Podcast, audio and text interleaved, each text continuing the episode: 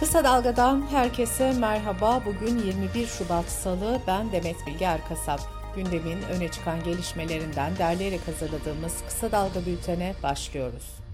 Maraş depremlerinin yasını tutan Türkiye dün akşam Hatay'da meydana gelen depremlerle sarsıldı. AFAD'ın verilerine göre Hatay'ın Defne ilçesinde dün saat 20.07'de 6.4 büyüklüğünde bir deprem meydana geldi. Bu depremden 3 dakika sonra ise Samandağ'da 5.8 büyüklüğünde ikinci bir deprem meydana geldi. Daha sonra sırasıyla 4.5 ve 5.2 büyüklüğünde depremler oldu ve hareketlilik devam etti. Kentte hasarlı binaların yıkıldığı yönünde ihbarlar alınırken devriye görevinde bulunan ekipler vatandaşları binaların çevresinden uzaklaşmaları konusunda uyardı. Hastanelerde ise yaralıların olduğu bildirildi. Hatay Samandağ Belediye Başkanı Refik Er Yılmaz ve Defne Belediye Başkanı İbrahim Güzel, insanların binalarına girmek zorunda olduklarını belirterek acil olarak çadır çağrısında bulundu. Deprem çevre illerden de hissedildi. Bilim Akademisi üyesi yer bilimci Profesör Doktor Naci Görür, Maraş'taki depremlerden sonra yaptığı değerlendirmede Hatay için uyarıda bulunmuştu. Profesör Doktor Görür yeni bir uyarı yaptı ve şunları söyledi. Günlerdir uyardığımız Maraş depremi sonrası Hatay ve Adana'da beklenen depremin Hatay bölümü bu akşam gerçekleşti. Bundan sonrası için sırada Adana ve Kıbrıs'ta da benzer büyüklükte bir deprem riski var. Profesör Doktor Okan Tüysüz de bu depremlerin artçı olmadığını, tetiklenen depremler olduğunu belirtti. Antakya'nın içinden Akdeniz'e bir fay hattı bulunduğunu bildiren Tüysüz şunları söyledi.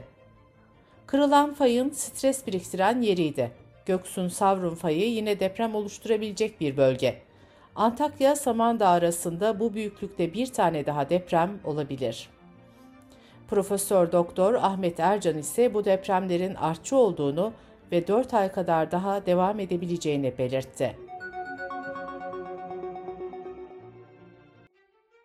Türkiye'yi sarsan Maraş merkezli 7.7 ve 7.6 büyüklüğündeki depremlerde 2 hafta geride kalırken can kaybı artıyor.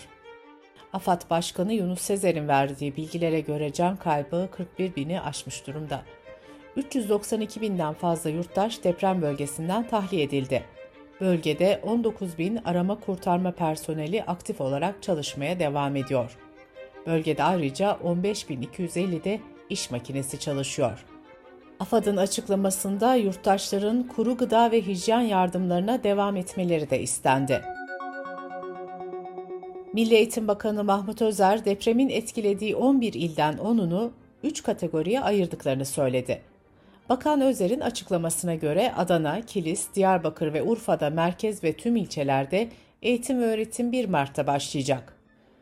Antep ve Osmaniye'de okulların 13 Mart'ta, Hatay'da ise 27 Mart'ta açılması planlanıyor. Birleşmiş Milletler Nüfus Fonu 6 Şubat depremine ilişkin Türkiye depremi durum raporunun ikincisini yayınladı. Rapora göre afet bölgesinde bulunan 226 bin hamile kadından 25 binin gelecek ay doğum yapması bekleniyor. Raporda bölgede temiz su, duş, tuvalet ve el yıkama noktalarına erişimin sınırlı olmasının bulaşıcı hastalıkların yayılma riskini artırdığı uyarısı yapılıyor. Bu arada Sağlık Bakanlığı'nın Hatay Eğitim ve Araştırma Hastanesi'nin bahçesinde kurduğu 100 yatak kapasiteli hastanede enkaz altından çıkan yaralıların ameliyat ve tedavilerinin yanı sıra 11 kadında doğum yaptı.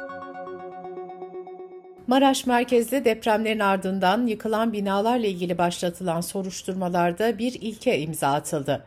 Depremlerle ilgili soruşturmalara yapı denetçileri ve kamu görevlileri de ilk kez dahil edildi. T24'ten Gökçer Tahincioğlu'nun haberine göre Maraş'ta AKP'li Şahin Avşaroğlu'nun yaptığı ve 28 kişinin öldüğü konutlara ilişkin soruşturmada proje ve ruhsatta imzası bulunan iki denetçi de tutuklandı.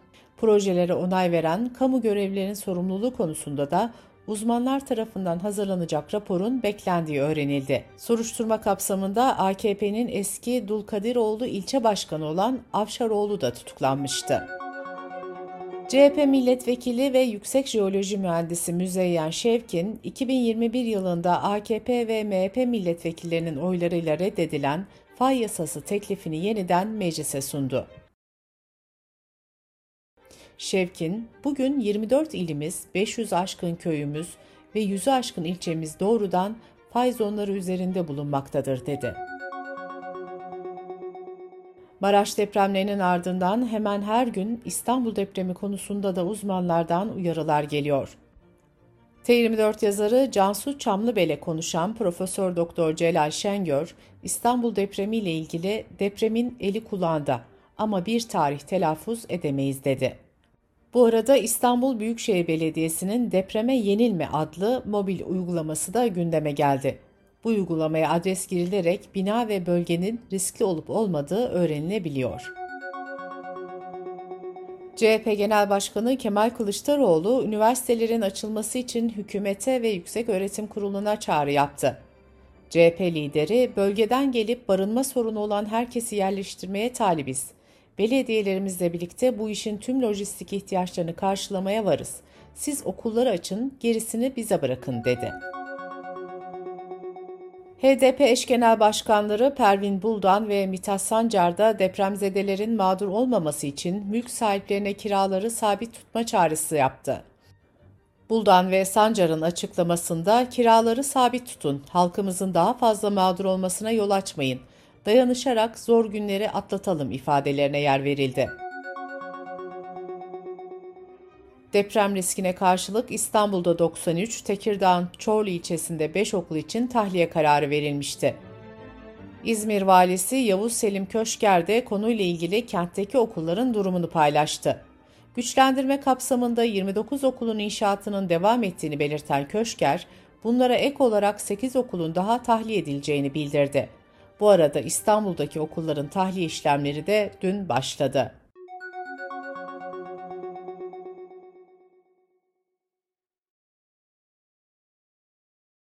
Depremlerin ardından askerlerin kışladan geç çıkarıldığı yönünde eleştiriler gündeme gelmişti. Bu eleştirilere Milli Savunma Bakanı Hulusi Akar'dan yanıt geldi. Gerçekleri yansıtmayan yanlı iddialar iyi niyetle izah edilemez diyen Bakan Akar şunları söyledi. Deprem sonrası harekat merkezleri süratle yapılması gerekenleri yaptı. Saat 04.30'da birliklerden rapor istendi. TSK İnsani Yardım Tugay Komutanlığı'na da hazır ol emri verildi. Kısa Dalga Bülten'de sırada ekonomi haberleri var. Çevre, Şehircilik ve İklim Değişikliği Bakanı Murat Kurum, deprem bölgesinde 118 binden fazla binada ağır hasar tespit edildiğini söyledi. Bakan Kurum, yeni yerleşimlerle ilgili de şu bilgileri aktardı. Yeni yapılacak konutlarımız zemin artı 3-4 katı geçmeyecek. Ovalardan dağlara doğru bir yerleşim modelini hayata geçireceğiz. Ayrıntılı bir şekilde zemin etüt çalışmalarımızı yapacağız. En geç 3-4 ay içinde bütün deprem bölgelerinde inşaat faaliyetleri başlayacak. Bu süreci tamamen biz yürüteceğiz. Yeni yapılacak konutların altında asla dükkan olmayacak. Ekonomi gazetesi ise açıklanan hasar tespit sonuçlarına göre depremde yıkılan veya yıkılması gereken binaların yerine yapılacak inşaatlar için tahmini harcama miktarını hesapladı. Buna göre birinci sınıf inşaat maliyetlerine göre yol, su, elektrik, kanalizasyon gibi altyapı yatırımları dahil 535 bin ev yapımı için arsa payı ve kamulaştırma maliyeti hariç 843 milyar liranın üzerinde harcama yapılması gerekiyor. Bu miktar bugünkü kurla yaklaşık 45 milyar dolara denk geliyor. Bu rakam ayrıca 2023 yılı bütçe açığının da %30 üzerinde. Devrimci İşçi Sendikaları Konfederasyonu depremin yol açtığı yıkıma karşı çalışma hayatı, iş ve gelir güvencesi, sosyal güvenlik, barınma ve eğitim gibi konularda sosyal politik önlemlerini açıkladı. DİSK Genel Başkanı Arzu Çerkezoğlu şunları söyledi. Daha şimdiden çalışanlara gelin işbaşı yapın, yapmazsanız tazminatsız olarak iş akdiniz feshedilecek mesajları gelmeye başladı. Çalışma Bakanlığı ve diğer ilgili bakanlıklar acilen düzenlemeler yapmalı. Çok büyük bir iç göç yaşandı. Afetzedeler için yeni istihdam alanları açılmalı. İşverenler için afetzede çalıştırma zorunluluğu getirilmeli. Tüketici Güven Endeksi Şubat'ta aylık bazda %4.3 artarak 82,5 oldu. Ancak TÜİK'ten yapılan açıklamada tüketici güvenine dair verilerin 6 Şubat'tan önce derlendiği, dolayısıyla verilerin deprem öncesini yansıttığı ifade edildi. Emeklilikte yaşa takılanlar düzenlemesinin Şubat ayı içinde yasalaşması ve ilk maaşların Mart ayında verilmesi planlanmıştı. Deprem felaketinin ardından meclis çalışmalarını ara verirken EYT düzenlemesinin akıbeti de merak ediliyordu. Hürriyet gazetesine konuşan AK Parti kurmayları EYT düzenlemesinin ertelenmeyeceğini belirterek yasa teklifinin Mart ayında meclise gelebileceğini söyledi. Dış politika ve dünyadan gelişmelerle bültenimize devam ediyoruz. Depremlerin ardından Türkiye'yi ziyarete gelen ABD Dışişleri Bakanı Antony Blinken, Türkiye ve Suriye yapılan insani yardımın 100 milyon dolar arttırılarak 185 milyon dolara çıkarıldığını duyurdu. Dışişleri Bakanı, ABD, Türk ve Suriye halkının yanında olmaya devam edecektir ifadesini kullandı. Dışişleri Bakanı Mevlüt Çavuşoğlu ile Blinken, Cumhurbaşkanlığı Külliyesi'nde ortak basın toplantısı düzenledi. Çavuşoğlu, ABD F-16 taleplerini yinelediklerini belirterek, şartlara bağlanarak bizim F-16 almamız mümkün değildir dedi. Blinken ise şunları söyledi. Biden yönetimi Türkiye'ye F-16 sunulmasını destekliyor. Türkiye bir NATO ülkesidir. Türkiye'yi desteklememiz önemli. Ancak şu anda bu konuyla ilgili resmi bir açıklama yapamam. Kongrenin kararı önemlidir. Size bir F-16 takvimi vermem mümkün değil. Deprem bölgesine uluslararası yardımlar da devam ediyor. NATO yaklaşık 4000 kişiye geçici barınma sağlaması amaçlanan 1000 konteynerin Türkiye sevkiyatını başlattığını duyurdu. Almanya Başbakanı Scholz, ülkesinin Türkiye ve Suriye'yi zor günlerinde yalnız bırakmayacağını söyledi. Scholz ayrıca Türkçe olarak gerçek dost kötü günde belli olur ifadelerini kullandı. Suudi Arabistan, Türkiye ve Suriye'de depremden etkilenen bölgelere toplam 48.8 milyon dolarlık yatırım yapma kararı aldı. Suudi Arabistan'ın 12. yardım uçağı da Türkiye'ye ulaştı. Maraş merkezli depremler Suriye'de de büyük yıkıma neden oldu. 5000'den fazla kişi yaşamını yitirdi. Birleşmiş Milletler'e göre 8 milyondan fazla kişi depremden doğrudan etkilendi. Bu arada İsrail'in pazar günü Şam'a düzenlediği hava saldırısında ise en az 15 kişi hayatını kaybetti. Suriye Dışişleri Bakanlığı Birleşmiş Milletler'e çağrıda bulunarak İsrail'in saldırılarından vazgeçmesi için önlemlerin alınmasını istedi. Bakanlık açıklamasında depremlerde büyük yıkıma uğrayan Suriye'de arama kurtarma çalışmalarının sürdüğü hatırlatıldı. Brezilya'nın São Paulo eyaletinde sağanak yağışlar sonucu sel ve toprak kayması meydana geldi. Afette en az 36 kişi hayatını kaybetti. Brezilya Devlet Başkanı Lula da Silva sosyal medya hesabından yaptığı açıklamada tüm federal hükümet ve silahlı kuvvetler Sao Paulo hükümetiyle koordineli olarak mağdurlara yardım etmek için çalışıyor dedi.